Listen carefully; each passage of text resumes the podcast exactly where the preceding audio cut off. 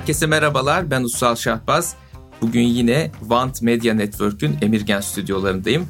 Bugün sadece ben varım ve yine ChatGPT ve yapay zeka hakkında konuşacağız. Birkaç boyutuyla ChatGPT'deki son gelişmeleri sizinle beraber irdelemek istiyorum. Önce ChatGPT'nin iş hayatında alacağı yeri ve gerçekten işimizi elimizden alıp almayacağını ve buradan yola çıkarak Türkiye için, bizler için bir fırsat olup olmayacağını konuşacağız. Sonra da ChatGPT'yi yasaklayan ülkeler var. İtalya yasakladı. Başka ülkelerde var. Biraz ondan bahsedeceğiz ve ülkeler ChatGPT ile gelen bu devrime nasıl cevap vermeli? Hangi ülkeler daha başarılı olacak?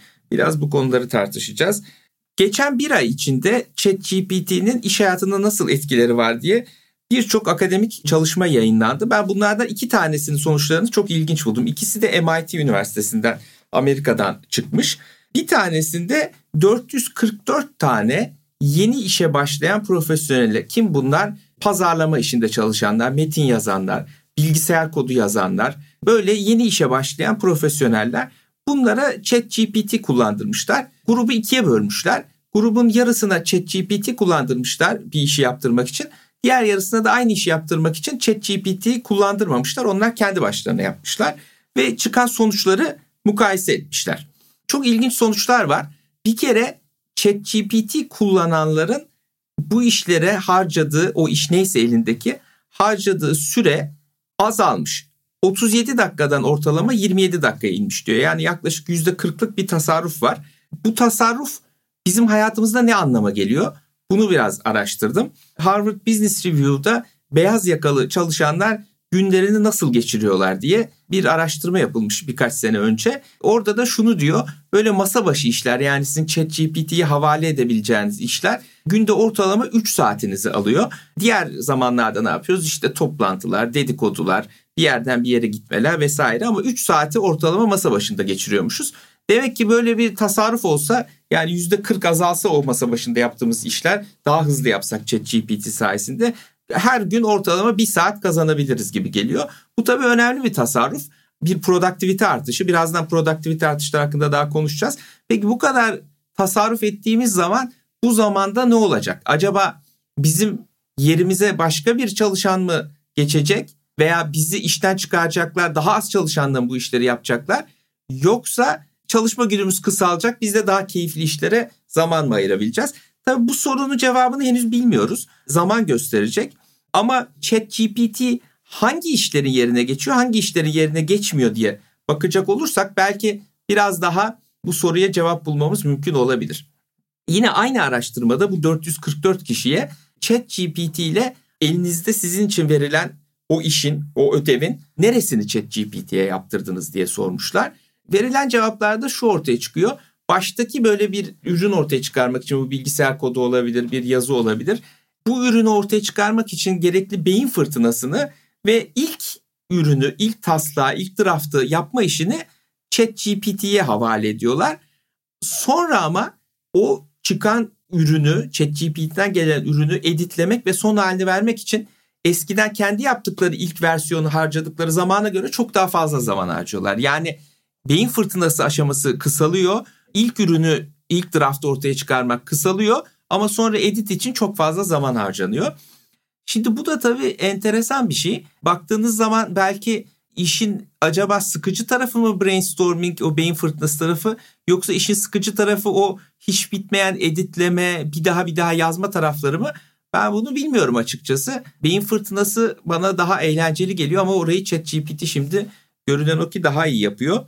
Ama beni endişe ettiren şey burada şu. Biz beyin fırtınası dediğimiz süreçte aslında beynimizde birçok farklı kavramı birbiriyle çarpıştırıyoruz. Yeni ilişkiler kuruyoruz. Bu beyin fırtınasında bazen birden çok kişi katılıyor ve onların aklındaki kavramları çarpıştırıyoruz. Ve yeni yeni fikirleri bu beyin fırtınasıyla ortaya çıkarıyoruz. Tabii ChatGPT'nin avantajı dünyada dijital olarak internette mevcut tekstlerin neredeyse tamamını okuduğu için bir bakıma insanlığın ortak hafızasına sahip Dolayısıyla o çok daha fazla fikre ve ipucuna sahip. Kendi kafasında bunları sizin isteğinize göre çarpıştırıyor. Peki siz kafanızdaki fikirleri çarpıştırmadığınız zaman bunu daha iyi yapan biri zaten var artık diye. Acaba bu fikirleri birbiriyle dövüştürme ve sembolik ilişkiler kurma kasını zayıflayacak mı? Şöyle düşünün. Mesela evimizin taşınması için hammal çağırıyoruz değil mi? Ve hammallar tabii ki evdeki eşyaları bizden daha iyi, daha hızlı ve daha ucuza taşıyorlar. Çünkü kendimiz bunları taşımaya kalksak belki bir yerimizi kıracağız, sakatlanacağız, bir sürü başka masraf çıkacak. Belki günler sürecek. Dolayısıyla daha etkin yapıyorlar bu işi. Ama bir yandan da spora gidiyoruz. İşte sırt kasımız gelişsin, omzumuz gelişsin filan diye. Niye o kaslar da bize lazım? Acaba bu beyin fırtınası işlerini chat GPT'ye delege ettiğimiz zaman buradaki beyin kaslarımız biraz yavaşlar mı, zayıflar mı? Ben öyle olabileceğini düşünüyorum ve bunun bir risk olduğunu düşünüyorum. Şimdi MIT'de yapılan ve aslında geçen hafta çıkan bir çalışma daha var. Orada da şunu gösteriyor. Bu sefer böyle deney ortamında değil gerçek çalışanlarla ChatGPT denemişler. Ne işini yapanlar? Call center'da, çağrı merkezinde çalışanlar. Amerikalı bir şirketin Filipinler'de bir çağrı merkezi varmış. Daha ucuz olsun diye orada kuruyorlar. Orada İngilizce de biliyor herkes. Ve bu çağrı merkezinde arıyorsunuz. Neyse ihtiyacınız sorularınızı soruyorsunuz. Sizin probleminizi çözmeye çalışıyorlar. Türk Hava Yolları'nın çağrı merkezi gibi düşünün. Burada ChatGPT kullanarak acaba sorunlar daha iyi çözülebiliyor mu ve bu çözüm süresi kısalıyor mu diye bakmışlar. Genelde çıkan sonuç verimliliğin %14 daha arttı. Yani o çağrı merkezinde çalışan ortalama bir kişi ChatGPT kullandığı zaman kullanmayan bir kişiye göre %14 daha verimli oluyor. Ama sonra biraz daha içeriye giriyorlar, daha detaylara bakıyorlar. En çok kimlerin verimliliği artmış diye bakıyorlar. En çok kimlerin verimliliği artmış biliyor musunuz? Genç çalışanların ve daha az becerili çalışanların. Çünkü az önce de söylediğim gibi siz aslında ChatGPT sayesinde insanlığın ortak hafızasına giriyorsunuz ve elinizde olmayan bazı becerileri de ChatGPT ile kullanabiliyorsunuz. Ve özellikle de tabii gençseniz bu becerileri henüz geliştirmemiş oluyorsunuz. Doğrudan ChatGPT'den faydalanabiliyorsunuz. Neredeyse diyor bu gençler daha kıdemli olanların beceri seviyesine erişmiş oluyorlar ChatGPT sayesinde. Ama az önce sorduğum soru hala duruyor. Acaba o kıdemli olanların geliştirdikleri bazı beceriler mesela ChatGPT'ye doğru soruyu sorma becerisi, ChatGPT'den gelen cevabın yalan yanlış olup olmadığını hissedebilme becerisi. Her şeyi ChatGPT'ye sorarak çalışma hayatına başlayan birinde gelişecek mi? Benim aklımdaki soru ve endişe bu. Bu kaslar zayıflayacak mı yoksa o kasları da nasıl biz evimizdeki eşyayı taşıma şirketindeki hambala taşıtıyorsak ama bir yandan da spor salonuna gidiyorsak o kasları da zinde tutmanın bir yolu var mı? Benim aklımdaki soru bu. Peki şimdi şunu düşünelim. ChatGPT yeni bir teknoloji. Bizim daha önce gördüğümüz birçok teknolojiden çok daha hızlı yayılıyor. ChatGPT üzerinde bir sürü yeni uygulama geliştiriliyor. Bunlar hayatımıza giriyor. Peki bu ChatGPT'nin kullanılması ülkelerin konumunu nasıl etkileyecek? Az önce söylediklerimizden yola çıkarsak tabii ben burada Türkiye perspektifinden bakıyorum. Türkiye gibi orta gelir seviyesinde, orta büyüklükteki ekonomiler, beceri birikimi gelişmiş ülkelere göre daha az, eğitim seviyesi daha düşük ve hatta eğitimli iş gücünü de son yıllarda hızla kaybetmekte olan ülkeler için acaba ChatGPT'nin anlamı ne? Özellikle gençleri kaybediyoruz biliyorsunuz. Az önceki MIT çalışmasına bakacak olursak bizim elimizde kalan daha az becerili ve daha genç nüfusun aslında ChatGPT'ye erişerek daha verimli çalışabilmesi mümkün. Yine eğer elimizde daha kıdemli böyle 40-50 yaş üstü kişiler kaldıysa bunların da aslında bu gençleri daha etkin kullanabilmesi mümkün. Çünkü onlar ChatGPT'nin yerine geçtikleri becerileri zaten vaktiyle edinmişler. Dolayısıyla ben bunun Türkiye'de hizmet ihracatı için bir avantaj olduğunu düşünüyorum ki biliyorsunuz son yıllarda artık dünyada ürün mal ihracatı oransal olarak azalıyor. Hizmet ihracatı öne çıkıyor. Az önce söylediğim çağrı merkezleri Filipinler'deki bunun en basit ve en kolay örneğiydi. Daha birçok hizmet yazılım olabilir bu. Türkiye oyunda mesela çok iyi.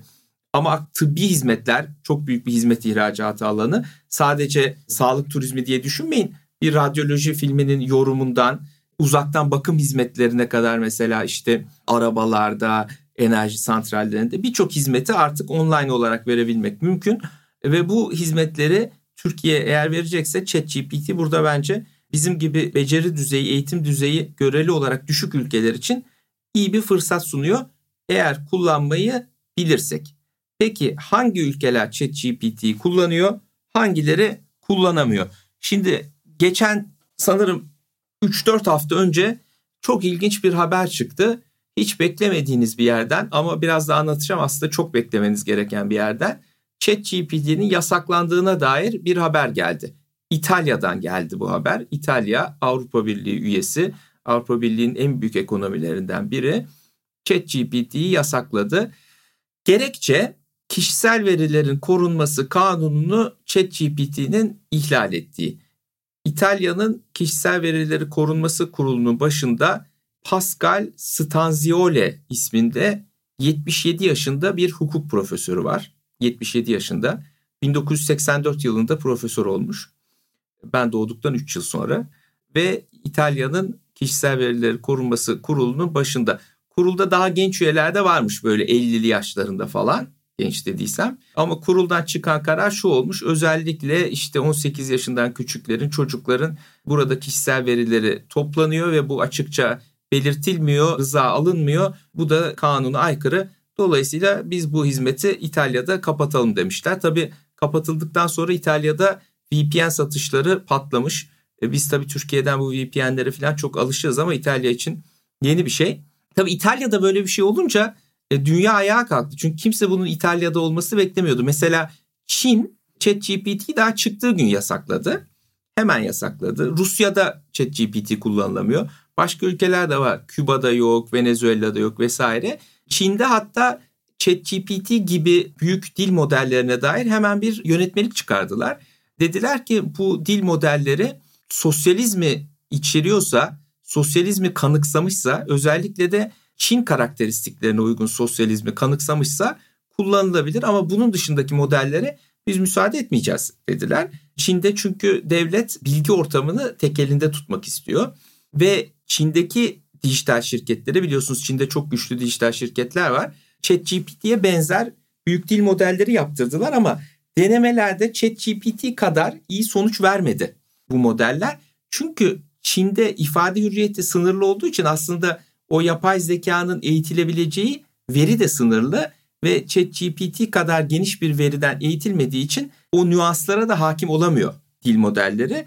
E, halbuki Çin biliyorsunuz yapay zekada çok ileri bir ülke. Bunu daha önce podcastimizde de konuşmuştuk ya Çin'in yapay zekada bu kadar ileri gitmesi dünyada teknoloji savaşlarına da yol açıyor ama büyük dil modellerine geldiği zaman Çin ifade hürriyeti sınırlı olduğu için bir adım geride kalıyor ve öyle kalmakta da kararlı gibi görünüyor Çin hükümeti. Ama İtalya bunu neden yaptı?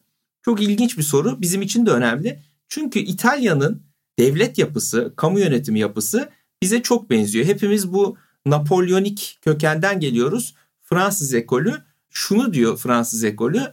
Eğer bir şeye devlet izin vermiyorsa o şey yapılamaz.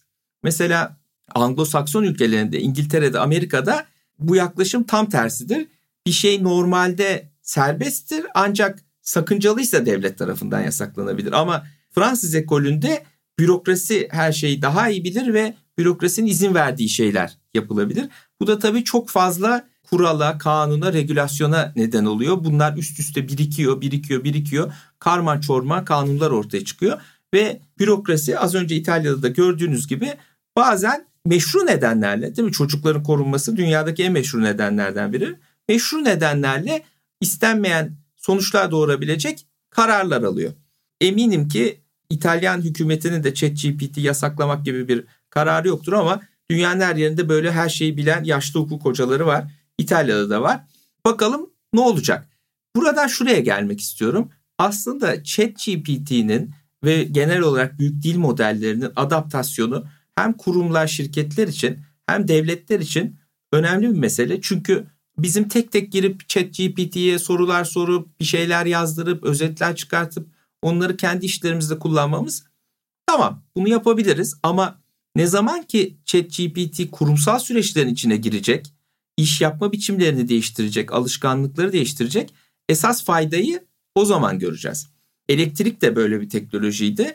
Elektrik önce işte sokakları aydınlatmakta kullanıldı ama fabrikalara girip oradaki üretim hatlarını değiştirmesi, üretim tarzını değiştirmesi yıllar aldı. Çünkü orada oturmuş ilişkiler vardı. Ama bu bir kez olduktan sonra tabii çok büyük verimlilik artışları yaşandı. Bizim de şirketlerimizde de çalıştığımız diğer kurumlarda da ChatGPT'nin iş akış süreçlerine girmesi teknolojinin kendi gelişme hızından daha yavaş olacak. Çünkü insanların davranışlarını değiştirmesi zaman alıyor. Ama anlaşılan o ki en yavaş olan da kamunun, devletin bunu algılaması olacak. Hangi devletler bunu hızlı algılarsa ki bence bazı devletler de hızlı algılayacak. Genelde böyle işleri böyle küçük devletler ne bileyim Birleşik Arap Emirlikleri, Singapur böyle devletler daha kolay algılıyor, daha atik oluyorlar, daha çevik oluyorlar. O tip devletler kurumsal yapılarını daha hızlı adapte edecekler ama benim korkum şu ki işte İtalya çok güzel bir örnek. Bizim gibi devletçi gelenekten gelen böyle kamunun güçlü olduğu gelenekten gelen ülkeler bu adaptasyonlarda daha zorlanacaklar. Dolayısıyla Türkiye için ChatGPT verimlilik açısından eğitimsiz iş gücünü, genç iş gücünü kullanabilmek açısından bir fırsat oluşturuyor. Ama bizim bürokrasimiz, kamu yönetimimiz bunu ne kadar algılayabilecek, ne kadar kullanabilecek yoksa ne kadar yasaklayacak zamanla göreceğiz. Bugün beni dinlediğiniz için çok teşekkür ediyorum. Eğer bu konularla ilgiliyseniz bir de e-posta bültenim var. Her hafta e-posta kutunuza geliyor ücretsiz. www.globalisler.com adresinden abone olabilirsiniz. Tekrar söylüyorum adresi www.globalisler.com. Eğer bu podcast'i beğeniyorsanız lütfen dinlediğiniz platformda Spotify'da, Apple Podcast'te rating tuşuna basıp puan verin veya beğenin. Siz beğendikçe, puan verdikçe daha çok kişi bu podcast'e ulaşıyor. Daha çok kişi dinliyor. İsterseniz arkadaşlarınıza da önerebilirsiniz. Çok sevinirim. Yine benzer bir konuda bir konukla çok yakında tekrar görüşmek üzere. İyi günler.